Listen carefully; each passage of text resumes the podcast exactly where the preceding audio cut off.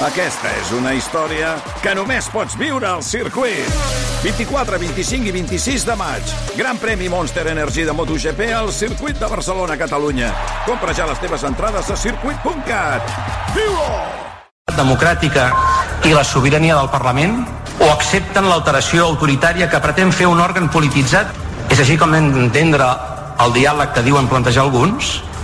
Ha arribat l'hora de plantar-nos. Les maniobres de Ciutadans van allargar la sessió fins tard, per si no n'hi havia prou, era dia de derbi a Cornellà. S'ha acabat el ple, Cesc. Doncs sí, sí, s'ha acabat el ple i el Parlament rebutja la inhabilitació de Quim Torra. Aquest punt ha estat aprovat pels grups independentistes i també els comuns. Hi ha un segon punt, el que ratifiquen com a diputat, que aquest ha estat aprovat amb el suport dels partits independentistes i en aquest cas l'abstenció dels comuns. L'endemà, la notícia era al Parlament Europeu. El Parlament Europeu 6 de gener. no fa cas a la Junta Electoral i reconeix oficialment Oriol Junqueras com a eurodiputat. També avala la condició de membres de ple dret de Puigdemont i Comín. És a dir, que fa oficial que tots tres eren eurodiputats sense haver de jurar la Constitució a Madrid. El Suprem va tornar a dir no, però no va poder evitar una altra imatge. Jordi Basté, des d'Estrasburg. 13 de gener. Què tal, president? Bon dia, molt bé. Com se sent? Bé, content, a mitges, perquè avui no hi serem tots, hi falta l'Oriol, però content d'aquest llarg camí que ens ha precedit per arribar fins aquí. Hola, Toni Comín, què tal? Hola, content. Què significa avui això per tu? Avui no entrem el president Puigdemont i jo, entren un milió de persones, però és que avui tinc quasi, quasi la sensació que és com si els portéssim físicament a darrere. Perdoneu, eh? és que estan canviant el recorregut, però al final tingut les, paraules, les primeres paraules a l'arribar de Carles Puigdemont i de Toni Comín. Sí, Crec que la idea respira, eh, és, Basté, és respira. fer-los recular perquè veig si arribaran ells i tu no arribaràs. Tu pots creure Jordi Basté, col·laborador del Vostè primer. Poc després se'ls va afegir Clara Ponsatí, ara el futur de tots tres depèn del suplicatori que es tramita a l'Europa. Deu dies més tard, el Suprem i la Junta Electoral hi tornaven. El Suprem manté el president Quim Torra inhabilitat de moment com a diputat. 23 de gener. El tribunal ha rebutjat per unanimitat les mesures cautelars que havia demanat la defensa i no ha fet cas de l'opinió de la Fiscalia. Hi havia l'opció d'un gir de guió, però finalment no hi ha hagut sorpresa. Després de dos dies de deliberació, la sala contenciosa administrativa del Suprem ha decidit no suspendre l'acord de la Junta Electoral mentre resol el recurs que va presentar el president i que encara està pendent. La Junta Electoral espanyola exigeix al Parlament que apliqui immediatament la suspensió de Quim Torra com a diputat. De fet, dona 48 hores de termini a Roger Torrent perquè comuniqui qui ocuparà el seu escó. Torrent ja va dir que garantiria tots els drets de Quim Torra, però ara s'enfronta a conseqüències penals. Al cap d'aquestes 48 hores, Aquest matí hem sabut que Xavier Muro, un senyor Sí. sí. que no havíem sentit mai a parlar d'ell, el secretari general del Parlament, ja ha donat l'ordre de retirar l'acte de diputat a Quim Torra. Tornem a un conflicte polític entre Esquerra i Junts per Catalunya. Des d'Esquerra diuen que el president del Parlament, Roger Torrent, no és ningú per uh, dir-li al secretari general del Parlament què ha de fer i què no ha de fer, sinó Al que és final un, és un vist, eh? funcionari. En canvi, des de Junts per Catalunya insisteixen molt que la decisió és totalment política de Roger Torrent la posició de Torrent es va imposar a la mesa del Parlament. Va deixar el president sense escó amb els vots d'Esquerra, Ciutadans i PSC. I la cambra tornava a viure una sessió convulsa. Acaba de començar fa tot just uns minuts al ple al Parlament amb Quim Torra sense l'acte de diputat. Amb l'objectiu, doncs, de garantir la validesa i l'eficàcia de totes les votacions adoptades al ple, avui no podem comptabilitzar el seu vot. I el president acaba de prendre la paraula. I us demano expressament, president, que garantiu els meus drets de diputat. Confio que aquest Parlament reverteixi aquesta irregularitat. Si no és així, posaran en risc la continuïtat de les institucions. S'acaba de suspendre a aquesta hora al Parlament. Roger Torrent acaba de suspendre el ple després de la intervenció que ha començat a Lorena Roldán. Una persona que ha estat jutjada i condemnada per un fet tipificat al Codi Penal és un delinqüent en totes les lletres. Pido l'ordre per segona vegada. Suspenem el ple. I ara es replena el ple un altre cop. Té la paraula el diputat senyor Miquel Iceta. El més rellevant de la sessió d'avui és que hem constatat una divisió insalvable i profunda entre els socis de govern. Ja passem al relleu als companys del versió RACU Marc Serra. Aquí us deixem. Molt bé, Gràcies ens a deixeu tots la patata calenta. Senyor Marcelí, eh, s'està rodant ara al Parlament la segona part d'una pel·lícula que ha tingut molt èxit, Punyales por l'espalda. Sí. Qui intervé ara? Jessica Albiach, dels Comuns. A veure. Li demanem, si plau, que no faci el ridícul, que es deixi de desobediències simbòliques. Eh, escoltem a Carles Riera de la CUP. Podem revertir aquesta situació i, si cal, nosaltres ens oferim a formar part de la mesa del Parlament per tal de garantir i preservar els drets de tothom. I ara és Alejandro Fernández. Doncs al som final era esto. Una lucha a navajazo limpio entre Esquerra Republicana y Junts per Catalunya por el poder Sergi Sabrià. Ui, ara petaran sec. Ara veuràs tu. veuràs tu. Som avui davant d'una decisió que és absolutament crucial.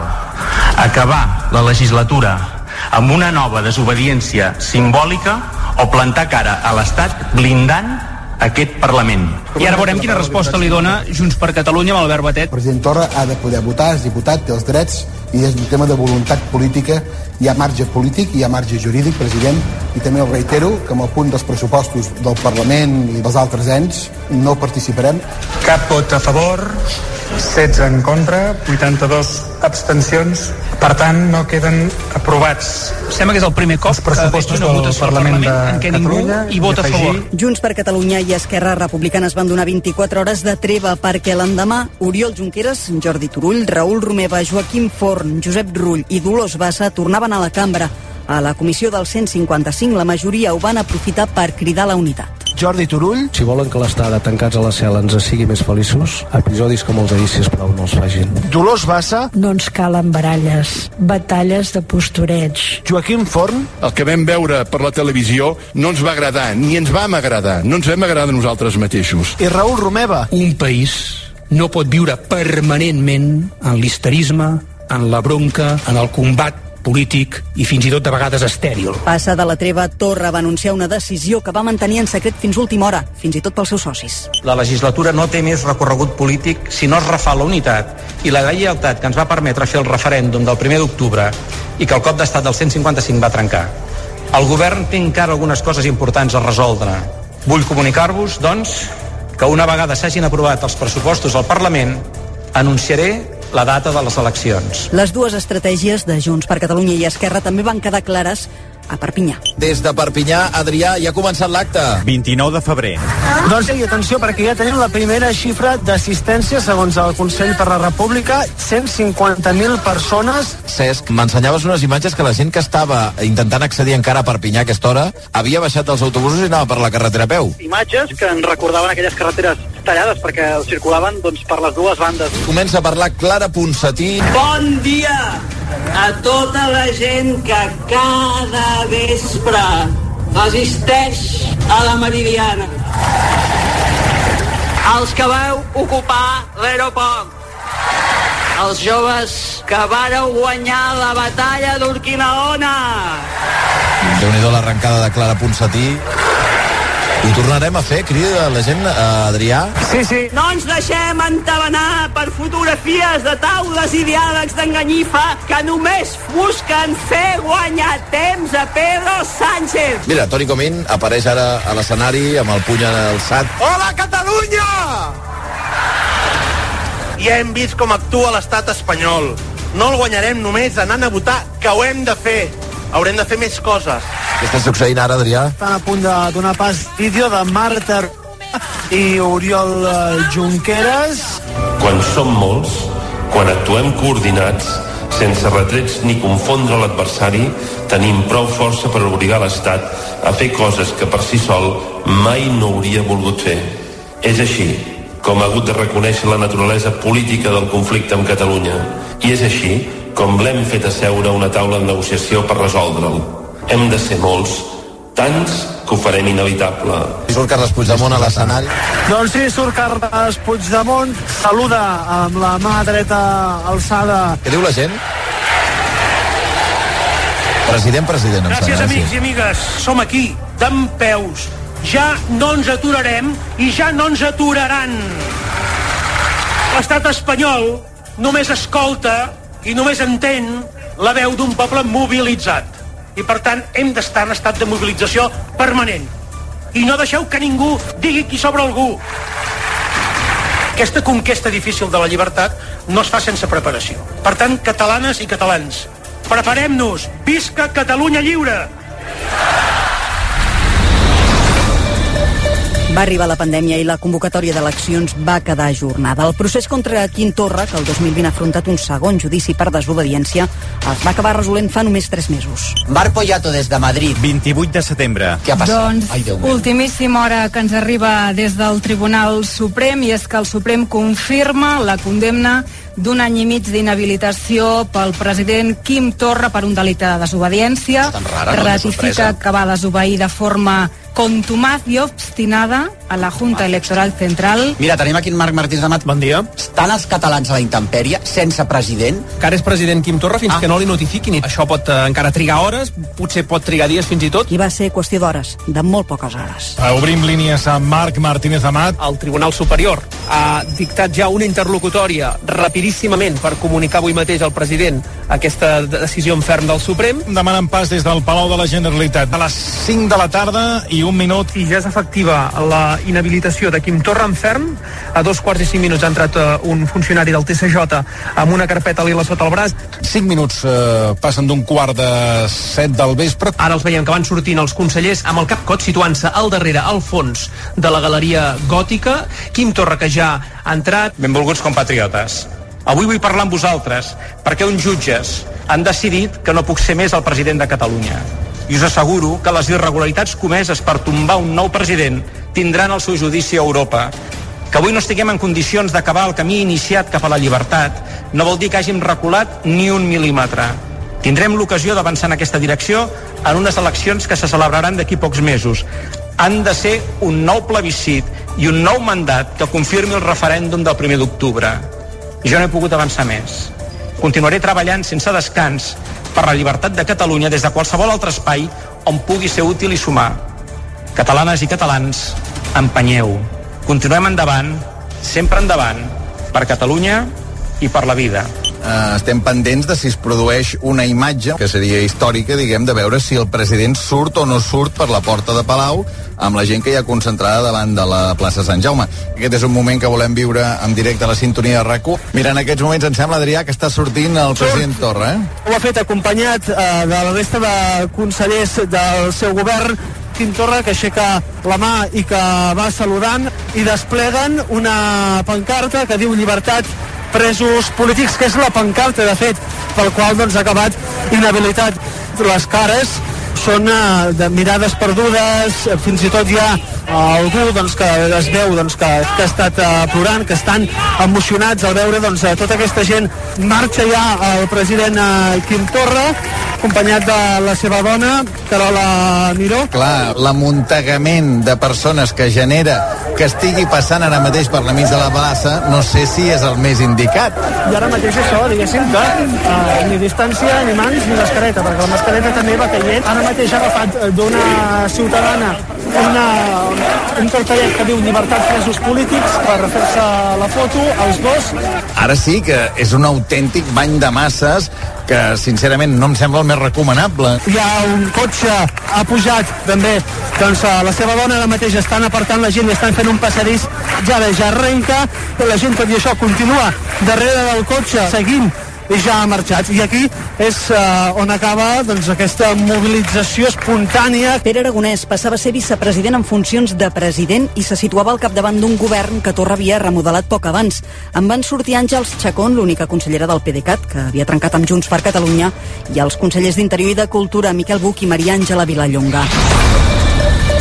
I el 21 d'octubre s'acabava resolent un altre procés judicial que també havia arrencat al gener i que també hem seguit al minut. Comença el judici. Benet Íñigo. 20 de gener. Estan asseguts els quatre acusats en cadires diferents. Cèsar Puig, l'exsecretari general d'Interior, al seu costat hi ha Pere Soler, exdirector de la policia, Teresa La Plana i a la dreta de tot de la pantalla ens apareix el major Josep Lluís Trapero. Encara no ha parlat i No ha de parlat fet encara? si el major Trapero parlés al llarg del programa Sí, de la competència que el, Calleu, eh? el que faríem és fer una sessió d'antena que se'n diu Ah, doncs sí que callaríeu, sí. Sí que callaríem. Perquè o- foten fora, vamos. Atenció, notícia d'última hora. Què passa? Atenció.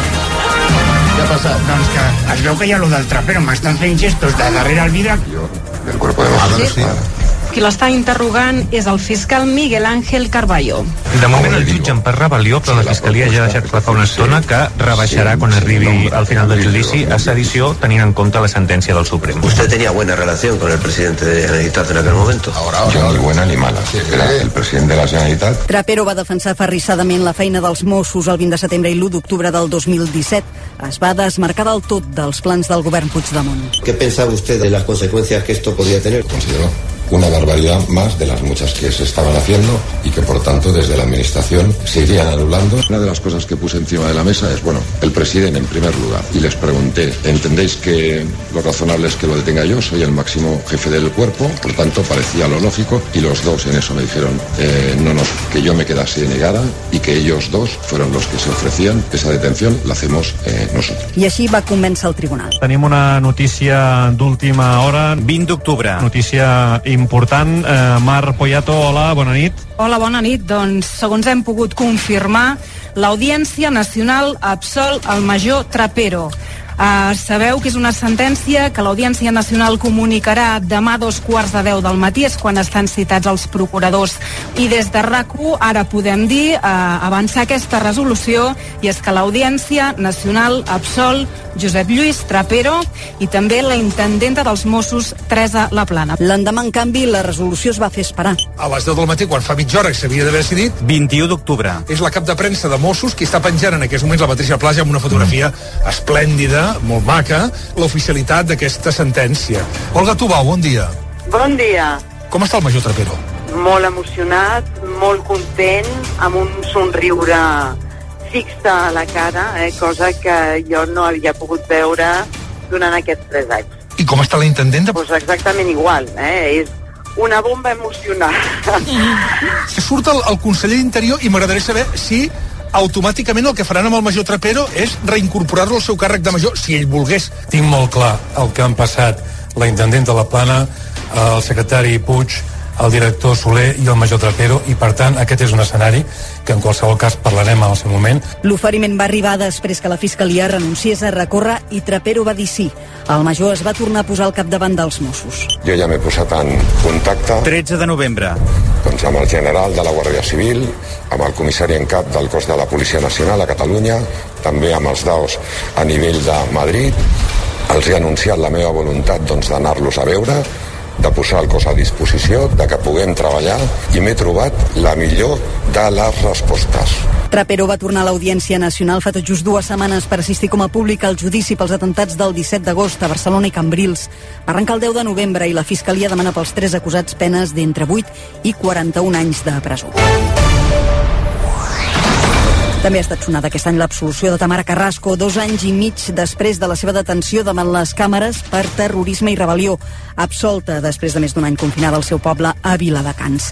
En canvi, la justícia ha continuat castigant els dirigents independentistes empresonats. Com era esperable... 4 de desembre. Em sembla una barbaritat.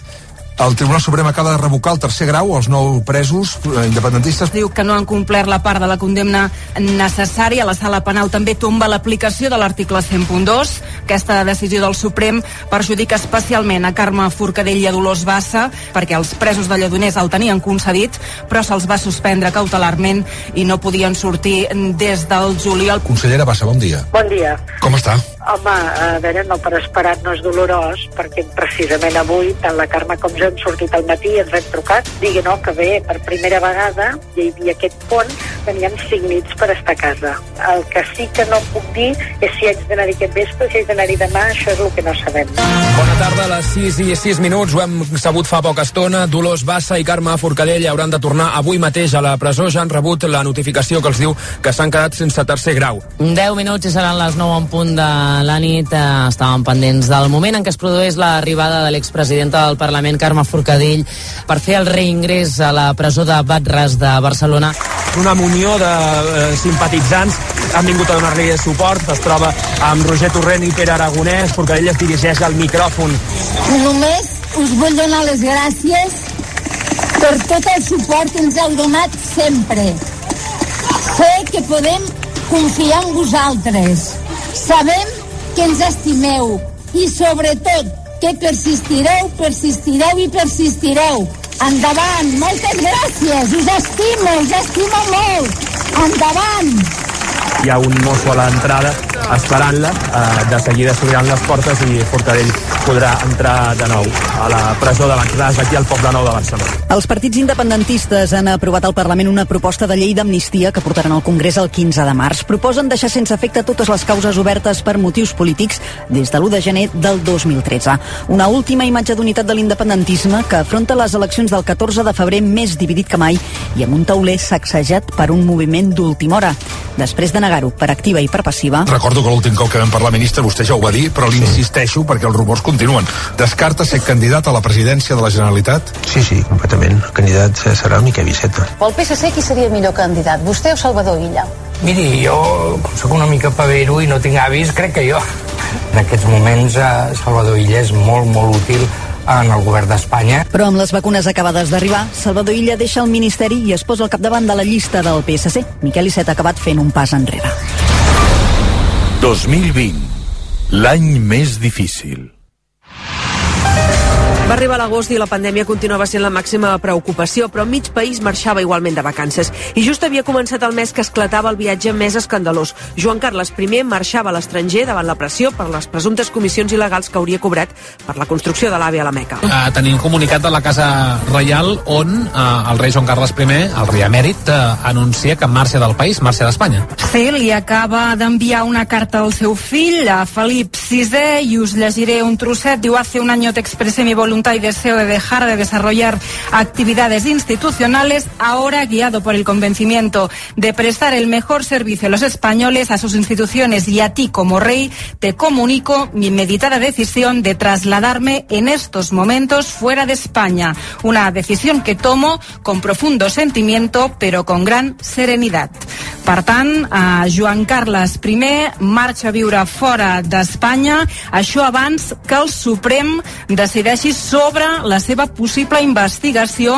Ja han passat més de 12 hores des d'aquest anunci i la Moncloa s'ha limitat a dir que respecta la decisió del rei emèrit i a subratllar el sentit d'exemplaritat i de transparència de l'actual cap d'estat de Felip VI. Pedro Sánchez surt en defensa de la monarquia i assegura que els tribunals jutgen persones, no institucions. Pedro Sánchez ha llançat un missatge que no ha anat gaire més enllà del que ahir ja comunicava la Moncloa. Sánchez diu que s'ha de qüestionar el cas concret de Joan Carles I, però en cap cas la corona. Don Juan Carlos ha dicho claramente que está a disposición de la justicia si es que fuera necesario, como cualquier otro español.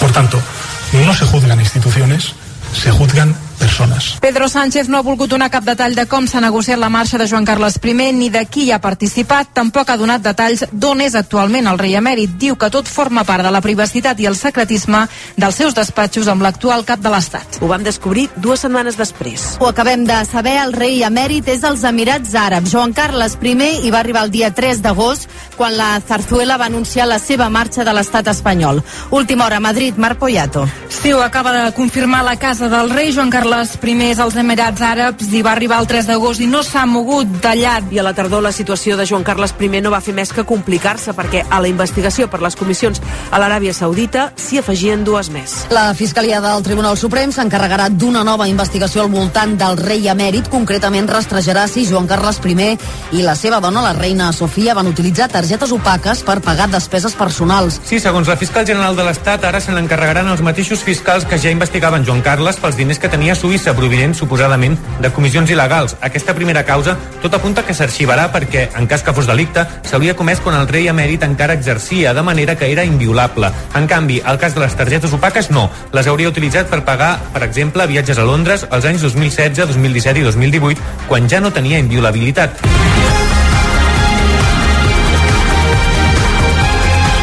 Joan Carles I afronta una nova investigació de la Fiscalia, ara amb l'acusació de blanqueig de capitals. La fiscal general de l'Estat ho ha fet avui oficial. El nom del rei emèrit, per tant, ha aparegut en una altra trama corrupta i ja en van tres, Madrid, Jordi Armenteres. L'origen d'aquesta nova investigació és un informe del CEPLAC, que és el Servei de Prevenció de Blanqueig de Capitals. En les conclusions s'hi identifica el rei Joan Carles I com a possible infractor de diverses lleis per aquest tipus de delicte de blanqueig de capitals. Abans d'acabar l'any, Joan Carles de Borbó intentava desactivar la investigació sobre les targetes presentant a Hisenda una declaració complementària. Una declaració complementària per justificar despeses de les targetes opaques que pagava un empresari mexicà amic seu per un valor que se situa al voltant de mig milió d'euros. El rei Joan Carles I ha pagat 678.000 euros a Hisenda aquesta tarda. Ho hem sabut a través d'un comunicat que ha fet el seu despatx d'advocats. Com s'arriba a aquesta xifra? Doncs per la multa, pel recàrrec i per tots els interessos. D'aquesta manera, per tant, en principi, hauria d'esquivar la via penal perquè no oblidem que un frau Hisenda de més de 120.000 euros és frau fiscal i implica condemnes amb penes de, de presó. I l'altre punt clau del cap de setmana i de les últimes hores, eh, les causes judicials que estan esquitxant el rei emèrit i que continuen portant cua, tot i la regularització fiscal que Joan Carles ha fet aquesta setmana. I és que la Fiscalia avisa que seguirà investigant l'emèrit per aquestes targetes opaques, malgrat eh, Joan Carles ha pagat 678.000 euros a Hisenda. El Ministeri Públic diu que amb això no n'hi ha prou per tancar el cas i de fet apunta que aquest pagament pot obrir fins i tot una nova línia d'investigació. L'últim dubte que deixa l'emèrit aquest 2020 és sobre la seva salut. Alguns mitjans van publicar que havia estat ingressat i fins i tot que tenia el coronavirus. La Zarzuela no ha confirmat res d'això. 2020. L'any més difícil. Al novembre, mig món va respirar tranquil. Donald Trump no aconseguia la reelecció. Una gestió nefasta de la pandèmia i l'aparició del moviment Black Lives Matter després de la mort de George Floyd van contribuir a la derrota electoral del magnat. La confirmació de la victòria de Joe Biden, però, va tardar a arribar. Aquells que s'acaben de llevar, que sàpiguen que està tot molt frec a frec entre Donald Trump i Joe Biden, amb lleuger avantatge pel republicà. A hores d'ara hi ha quatre estats que poden decantar les eleccions, ara on parlarem, Wisconsin, Arizona, Michigan i Pensilvània. El candidat demòcrata Joe Biden ha comparegut fa molt poca estona, fa un quart d'hora, per dir que està en el bon camí per guanyar les eleccions americanes. We knew this was gonna go long. Sabíem que aniria per llarg, això. Potser demà al matí o més enllà. Però mireu, creiem que anem bé, de debò. Sóc aquí per dir-vos que creiem que estem en el camí de guanyar les eleccions. We believe we're on track to win this election. Ara bé, Donald Trump tot just després ha fet diverses piulades on assegura que els demòcrates estan intentant robar-los les eleccions. Estem molt per davant, però estan intentant robar les eleccions. No els ho permetrem mai. Una piulada que Twitter ja ha marcat com a qüestionable l'arribada del president Trump, que ara surt encomparat a blava, encara, encara seriosa, eh, s'acosta cap al faristol, són les 8 i 21 minuts, en directe al món a rac Aleshores podem dir que hem guanyat liderant amb 66.000 vots d'avantatge. Pràcticament està tot el vot escrutat. I de cop, tot s'ha aturat. Això és un frau. És un frau al poble americà. Això és una vergonya pel nostre país. Nosaltres estàvem llestos per guanyar les eleccions. De fet, hem guanyat les eleccions. Ah. Tot penjava d'uns pocs estats i el recompte es va anar allargant i allargant. I comencem, com no, parlant dels Estats Units, on més de 24 hores després de tancar les urnes encara no hi ha un guanyador de les eleccions. Continuem esperant els resultats definitius de les eleccions nord-americanes que permetin declarar un guanyador i ara sí podria ser qüestió d'hores. Que tres dies després de les eleccions dels Estats Units continuem sense saber qui serà el president. Ho té a tocar Joe Biden i la Casa Blanca.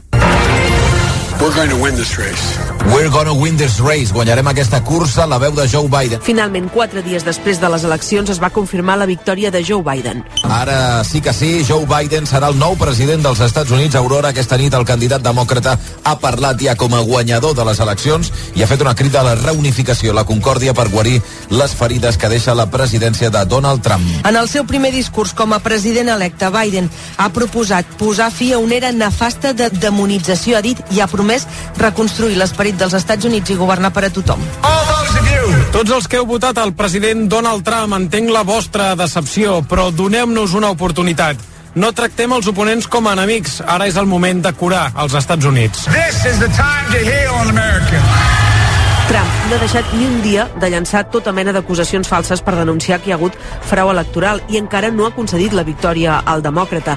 Tots els intents judicials per capgirar el resultat, però, han estat fallits i d'aquí a 20 dies Biden jurarà el càrrec. També hem viscut en directe el Brexit.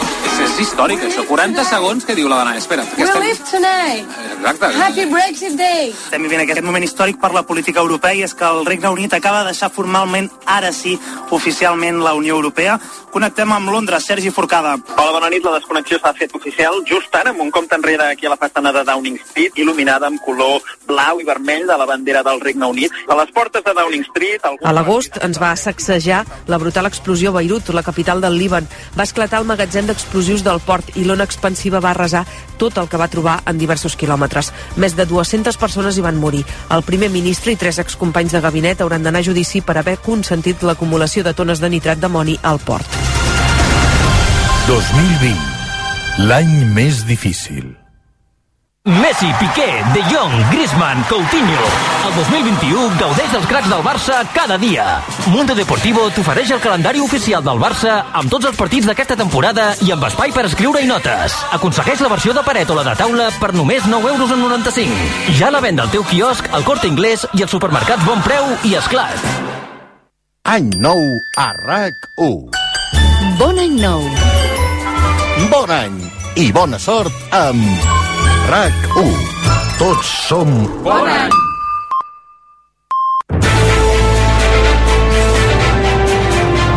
Tot just començar el 2020 també ens portava fenòmens meteorològics de rècord, que ja abans del coronavirus van obligar a tancar escoles i confinar milers de persones, però que no ens van agafar per sorpresa.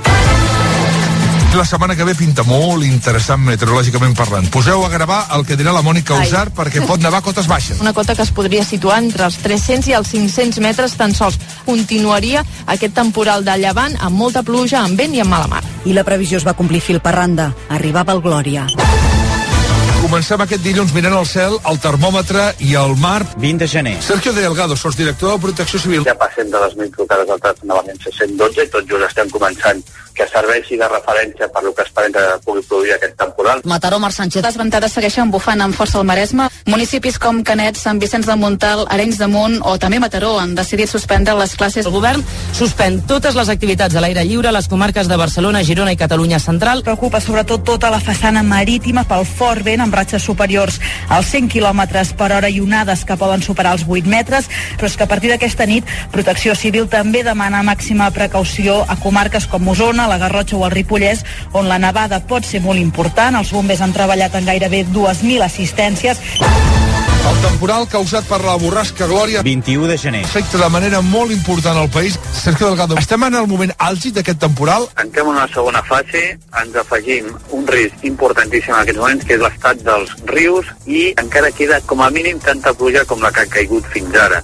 La Generalitat demana evitar desplaçaments innecessaris. 22 de gener. Des de l'inici del temporal, els bombers han fet més de 3.000 serveis. Hem tingut dos rescats de dues persones que s'han acostat a zones que estaven inundades, per tant, el cos de bombers no podia atendre altres incidències. Hem vist imatges que no ens agraden de persones desplaçant-se al front marítim a gravar A les comarques de Girona, pendents del riu Unyà. La policia municipal i protecció civil han avisat veïns i comerciants de baixos propers al riu del risc que hi pot haver. El riu Daró és el que travessa la Bisbal d'Empordà. Dani Cortés. Màxim alerta en un municipi que no està gens acostumat que pel riu hi passi ni una sola gota d'aigua. Avui, però, baixa pràcticament al límit. Al Maresme, l'aigua s'ha endut molta sorra de les platges. Fins i tot ha trencat amb la seva força els vidres de l'estació de Premià. és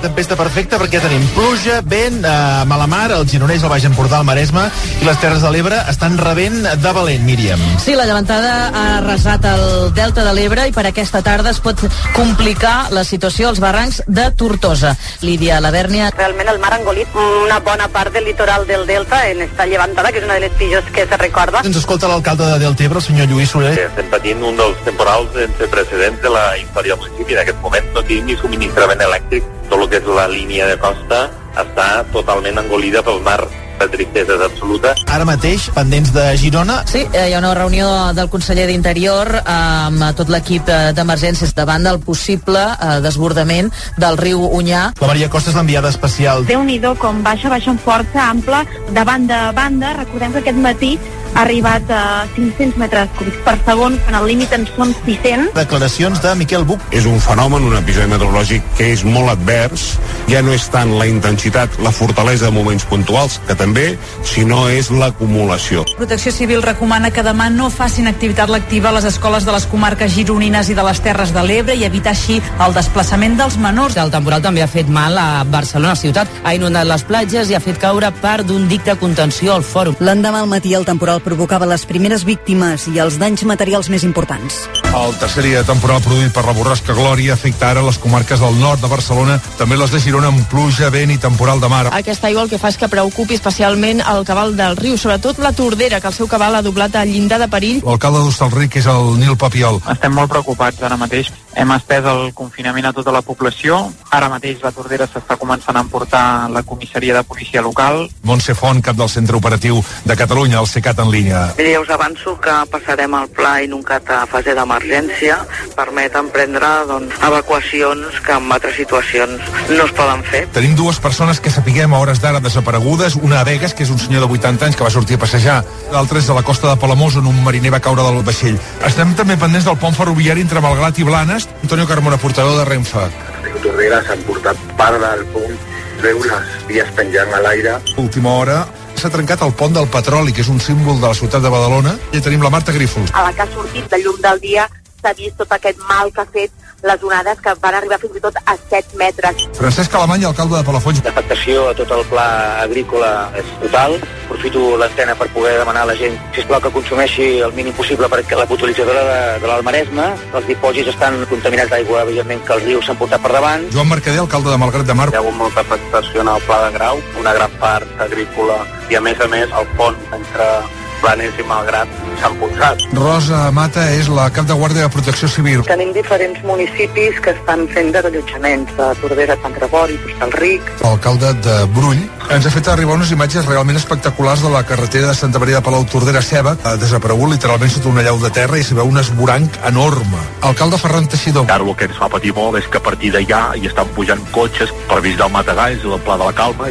Bueno, hauríem de fer alguna cosa per prohibir-ho i que es quedin a casa fins que faci sol. Ara mateix l'Agència Catalana de l'Aigua ha començat a desembassar els pantans de Sau i Susqueda. Anem a la gola del Ter. Allà hi tenim el tinent d'alcalde de Torrella de Montgrí, que és el Josep Martinoia. Està baixant una quantitat de troncs i canyes espectacular. El gran problema el tenim a l'Estartit. Hi ha bona part del poble inundat per l'aigua de mar. Una de les imatges del matí és la del pont medieval de Besalú, sí. amb el fluvià arribant gairebé a la meitat dels arcs. Ara mateix anem a les Terres de l'Ebre. Visita el president una mica de correcuita, perquè també estàvem pendents del que passava, lògicament, en altra part del país. Ens està enviant un crit que hem d'escoltar. El Delta necessita una solució ara i aquí. Anem a Santa Coloma de Farners, avui amb aquest matxembrat amb la gent d'esports. Allà hi tenim el Marc Mundet. I a la comarca de la Selva Obert, els pobles d'Amer, Anglès i la Cellera han començat a notar ja el desembassament dels pantans. Per exemple, la carretera que va des d'Anglès cap a Sant Julià de Llor i Bonmatí és ara mateix negada. Edu Batlles, què passa a Tordera? Hi ha 170 veïns que seran desallotjats en les properes hores per eh, temor a una altra eh, nova pujada del riu. El Baix Llobregat, Josep Ferrer. El caudal del Llobregat, seu pas per Sant Joan d'Espí, és de 468 metres cúbics per segon. Dilluns, per exemple, era de 3,5 metres cúbics per segon. Havia de compareixer el conseller d'Interior Miquel Buch i finalment també ho farà el president Quim Torra i el conseller de Territori i Sostenibilitat Damià Calvet i sembla que just ara comencen a arribar. Vull enviar aquest vespre un missatge de serenitat, de confiança, hem de prendre mesures excepcionals. S'ha enviat un missatge als ajuntaments que veia que totes les persones que visquin a una zona inundable pugin a les primeres plantes. La resta de persones han de quedar confinades fins nova ordre. Ja ha rebassat l'embassament de Susqueda. Ens situem en cabals que poden superar àmpliament els 1.000-1.100 metres cúbics per segon. I aquesta és una xifra límit. Torroella, tinc el seu alcalde, Jordi Colomí. Ara la policia està anant mas per mas i estem trucant a tothom. Susqueda doncs, està desaiguant pràcticament ara ja tota l'aigua que està entrant. A la Cellera s'ha informat personalment a les famílies en zones inundables La previsió de l'Ajuntament és que aquesta propera nit el Ter baixi a tensió al voltant de 1.300 metres cúbics per segon, que això és més del doble en condicions normals del riu Ebre a Tortosa. Damià Calvet, conseller de Territori i Sostenibilitat, acabem de tenir confirmat una primera víctima d'aquest temporal. Seria el port de Palamós, però no seria eh, la persona a la que estaven buscant des d'ahir a la nit. Sembla ser que és una persona que, neguitejat a l'estat de la mar, va anar a provar la seva embarcació i va caure a la mar. Tots els meteoròlegs eh, anunciaven que seria un episodi històric. Aquest desembassament s'hauria pogut fer abans? Hi havia gairebé 140 hectòmetres cúbics de marge. Això és molta marge. El que passa és que ens han entrat molta, moltíssima. Tot plegat ho hem hagut de gestionar allò minut a minut. Continuem fent-vos companyia amb aquesta nit tan especial, obrint el telèfon a les vostres comunicacions. De Sant Climent de Llobregat, què passa, Adriana? Portem des del dia 20 a les 6 i mitja de la tarda sense llum. Ara mateix fa uns 20 minuts que, que tenim llum, perquè hem posat un grup electrogen, perquè es veu que el primer que havíem portat no tenia ni gasoll. Sense calefacció, amb el fred que fa aquí, doncs imagina't, amb nens petits a casa, doncs, doncs bueno, dormint tots al mateix llit, amb 40 mantes. Mei, bona nit, què ens expliques? Mira, estem aquí un centenar de veïns aquí confinats al pavelló del poble. Què ens expliques, Marta? Parlo des d'Hostalric. També ens van desallotjar ahir a la tarda. Jo és la primera vegada que veig eh, desbordar la riera d'aquesta manera. Rosa Mata, cap de Guàrdia de Protecció Civil. 23 de gener. Esperàvem un pic de pluja i de crescuda dels rius i ens feia molta por que enganxés de persones dormint a casa. I encara tenim eh, la incertesa de si aquest pic es podrà produir al llarg del matí. Amb llum de dia ho veurem diferent. Tenim informació d'última hora, la reunió del comitè tècnic del Pla Inuncat ha decidit aixecar la restricció de confinament en 26 municipis del Baix Ter. Eh, saludem l'alcalde de Sant Joia del Llor. Marc Garcia, bon dia, moltes gràcies. Com heu passat la nit? Bueno, eh, una mica dramàtic, tot plegat, però bé. Els veïns cap a casa per això? Els veïns cap a casa perquè hi ha hagut un ordre de desconfinament i jo no puc retenir ningú i clar, estic preocupat. I ara que ha pujat 70 centímetres, estem desconfinant la gent. Ja. Està parlant Miquel Buch. A les 6.40 hem aixecat aquesta decisió que vam prendre ahir sense donar per acabat l'episodi d'emergència.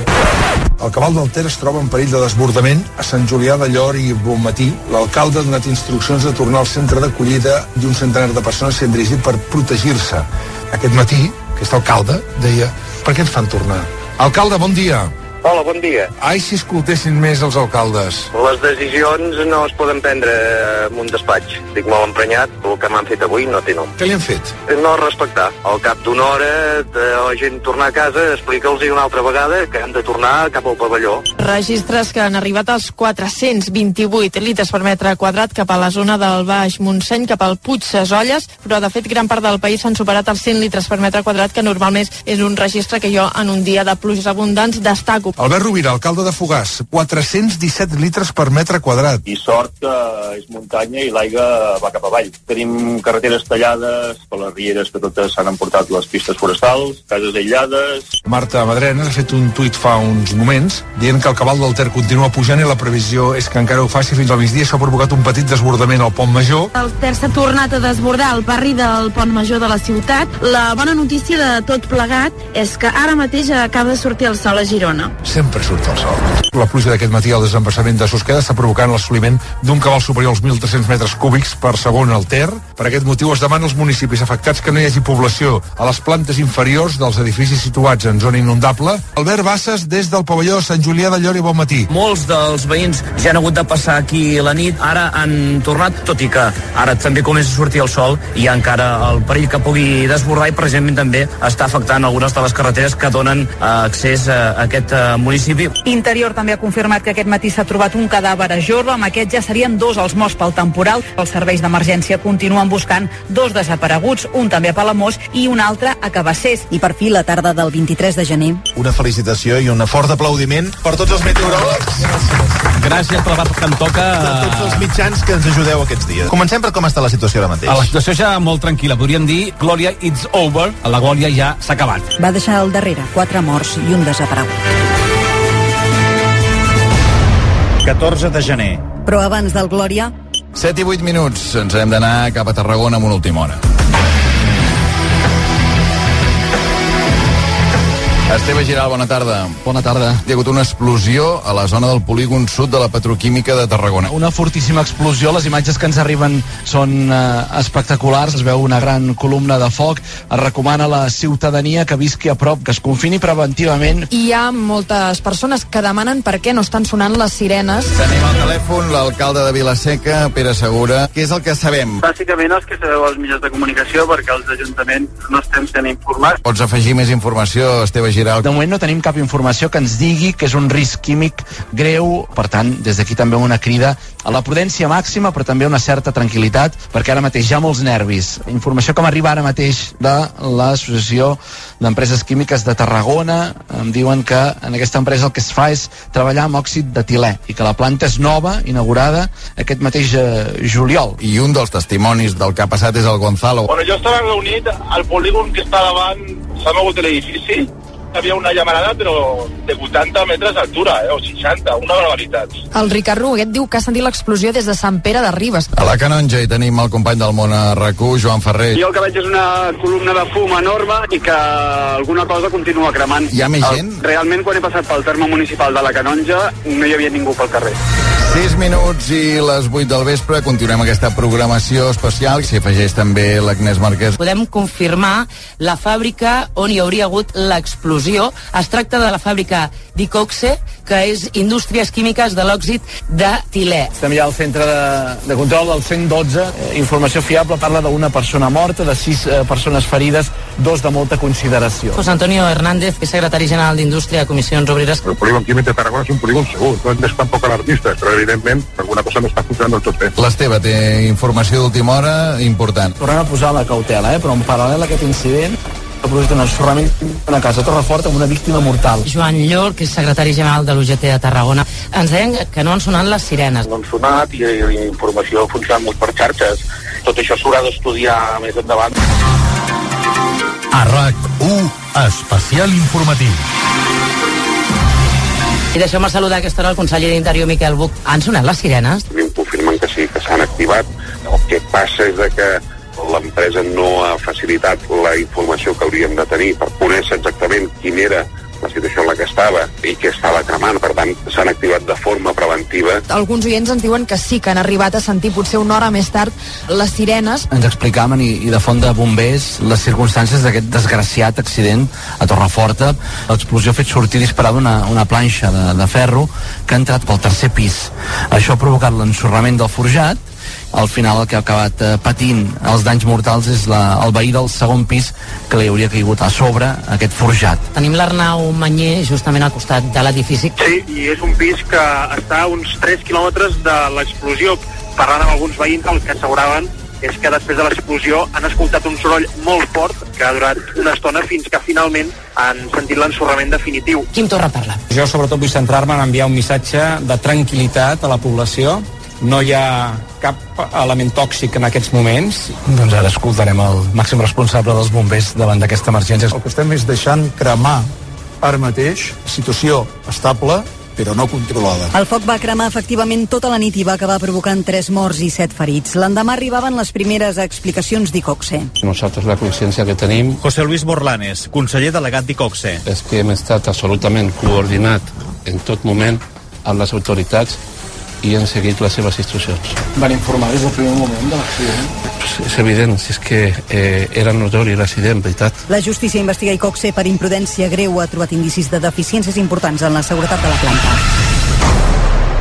2020, l'any més difícil. Aquest any ens han deixat grans personalitats de tots els àmbits, escriptors com Isabel Clara Simó, Carlos Ruiz Zafón, Juan Mercé o John Le Carré, actors com Sean Connery, Kirk Douglas, Olivia de Havilland, Montserrat Carulla i Rosa Maria Sardà, Diana Garrigosa, el pare Manel o Pere Casaldàliga en l'àmbit més social, dibuixants com Uderzo, Fer i Quino, i músics com Eddie Van Halen, Luis Eduardo Aute i Pau Donés. Es que tú me das es mucho más El líder de Jarabe de Palo es va voler acomiadar amb aquest cant a l'optimisme i l'esperança, tan difícils de trobar en molts moments d'aquest 2020 que finalment, ara sí, deixem enrere. Que tú me das no que lo tenga merecido. Todo lo que me das te estaré siempre agradecido. us hem explicat el 2020 a RAC1. 2020, l'any més difícil. Amb Aurora Rodríguez, Núria Travessa i els serveis informatius de RAC1. Amb el muntatge sonor de Jordi Jiménez i Joan Ferrús. No us conformeu amb unes simples campanades. Aquest any digueu adeu i hola amb les recampanades simultànies de RAC1 i RAC 105. Però quina meravella, és que ja m'estic imaginant. Què et posaràs? Així, d'esport? De, de, sí, RAC 105 i RAC1 es casen per tota una nit. La nit de cap d'any, la del 31 de desembre a partir de les 11 i fins la 1 de la matinada. Jo vull una mica de festa, una mica de luxe. RAC1 i RAC 105 sonaran juntes, brindaran juntes. Una mica de gaudir. Ep, has dit gaudir? Rebran l'any nou juntes amb Marc Giró i Albert Buscarons des de la Casa Vicenç Gaudí al Cor de Gràcia a Barcelona. Decorada especialment per aquestes festes, hi trobarem l'estrella de Nadal. Les Recampanades, un programa especial de cap d'any que sonarà simultàniament per totes dues emissores. Ai!